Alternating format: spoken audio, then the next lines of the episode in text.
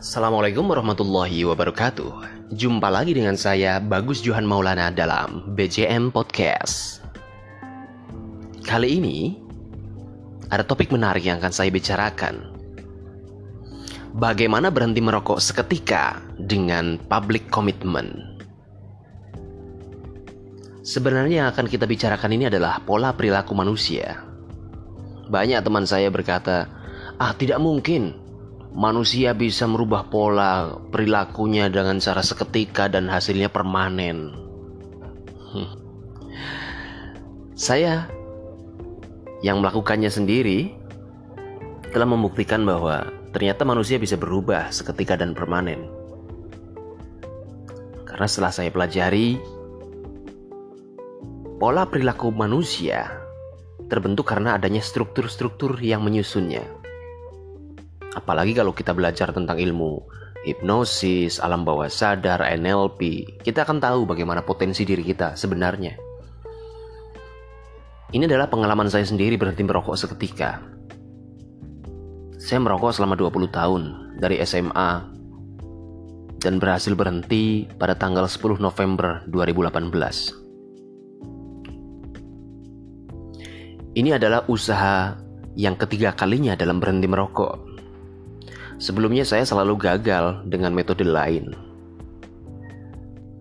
Public commitment saya lakukan dengan janji berhenti merokok melalui tulisan, lisan, secara langsung kepada publik, kepada orang banyak. Diketahui banyak atasan, kantor, orang tua, istri, keluarga, teman kerja, dan juga ke media sosial melalui grup WhatsApp, Facebook, status WhatsApp. Dilanjutkan setelah itu, saya menulis tentang proses berhenti merokok selama 30 hari berturut-turut untuk terus menguatkan tekad saya berhenti merokok. Dan alhamdulillah, saya berhasil hingga kini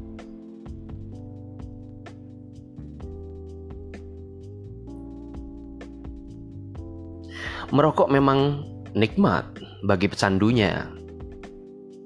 Rasa nikmat ini bukan hanya dirasakan di fisik tenggorokan, namun sampai pada level jiwa dalam gaya hidup dan pergaulan. Bahkan ada yang merasa tidak bisa berpikir kreatif jika tidak merokok. Merokok adalah perilaku.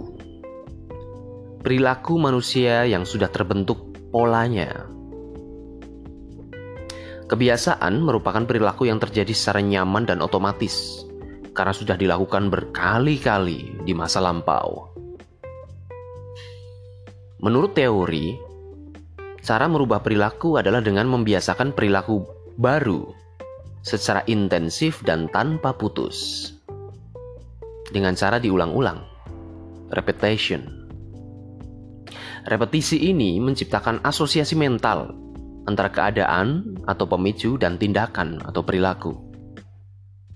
Sehingga ketika kita dihadapkan dengan pemicu, maka perilakunya akan mudah muncul atau nyaris otomatis. Kita semua tahu bahwa merokok itu sebenarnya berbahaya, merusak, dan merugikan. Banyak orang ingin berhenti merokok.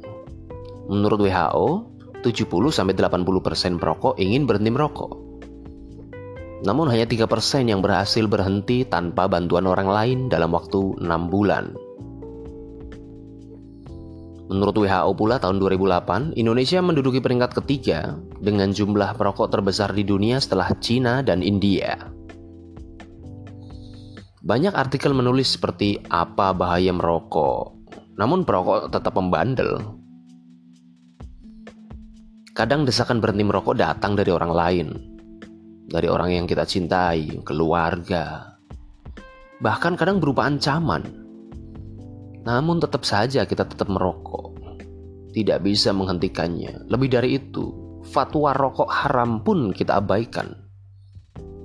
Banyak penjelasan manfaat ketika berhenti merokok tentang detail proses kembali sehatnya paru-paru kita, tubuh kita, mulai 20 menit berhenti merokok sampai dengan 15 tahun setelah itu. Namun penjelasan itu tak menarik juga untuk diikuti pecandu rokok. Apalagi kalau dia merasa sehat. Saya sehat kok, nggak apa-apa, ngerokok aja. Fase terberat dari usaha berhenti merokok adalah saat melewati gejala putus nikotin. Gejala ini dapat muncul pada 4 jam pertama dan memuncak pada hari 3 sampai ke 5. Biasanya akan jauh berkurang setelah 2 minggu. Anda juga mungkin masih merasa tidak nyaman dengan kebiasaan baru Anda berhenti merokok ini hingga 2 sampai 3 bulan kemudian. Bahkan pada beberapa orang bisa sampai 6 bulan berikutnya. Gejala putus nikotin biasanya seperti sakit kepala, mual, gelisah, berkeringat, dan sangat ingin merokok. Jika tidak dipenuhi, biasanya timbul emosi. Tak jarang pula yang frustasi karena gagal berhenti merokok. Udah berkali-kali, akhirnya dia menyerah dan akhirnya dia melakukan pembenaran kenapa dia tetap merokok agar perilakunya bisa diterima orang lain. Namun untuk sehat, tidak ada kata tidak mungkin. Kita bisa. Saya telah membuktikannya. Bagaimana cara berhenti merokok? Yang utama dan pertama tentunya adalah niat. Dari diri sendiri. Niat bisa menjadi tekad yang bulat jika dilandasi dengan alasan kuat. Mengapa kita harus berhenti merokok?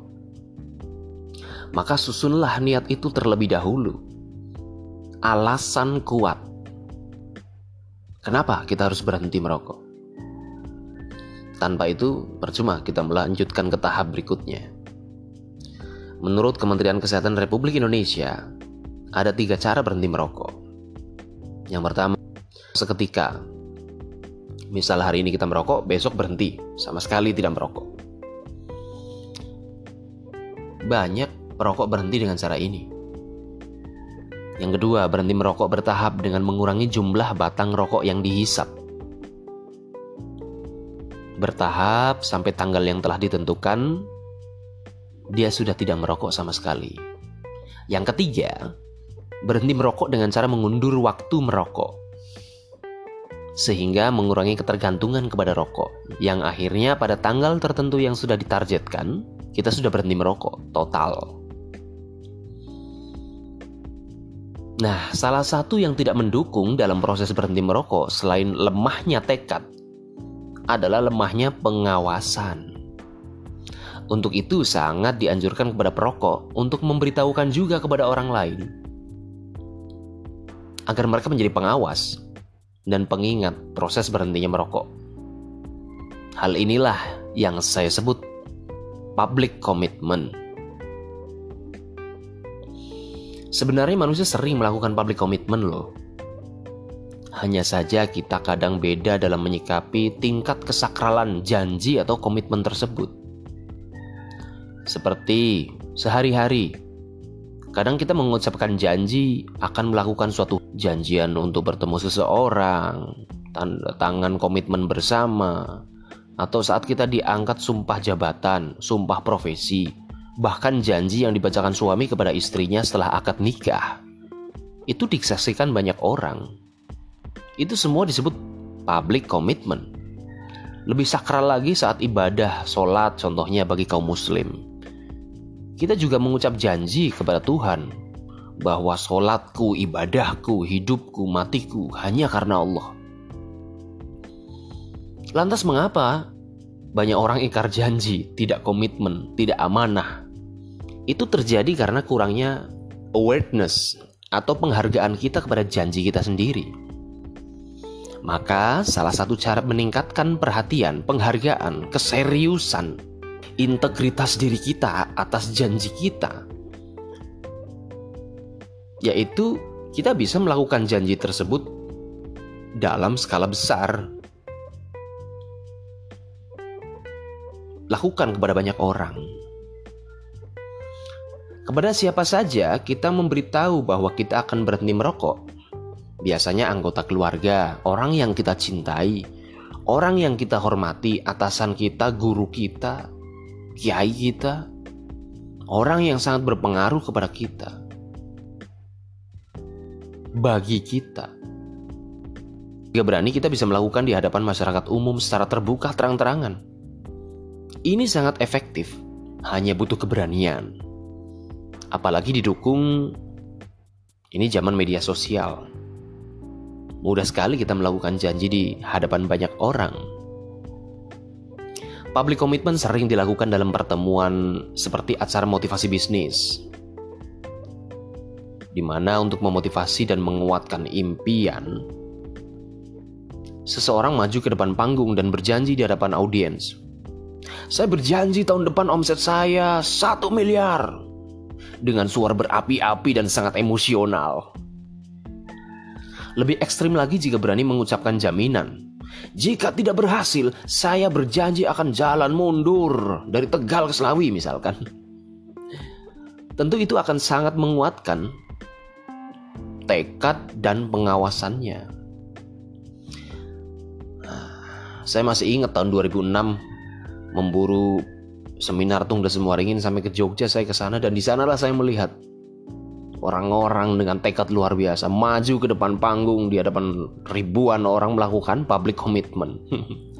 Lalu saya berpikir, ah, jika untuk motivasi bisnis saja bisa, mengapa kita tidak melakukan public commitment untuk urusan-urusan lain seperti berhenti merokok misalnya?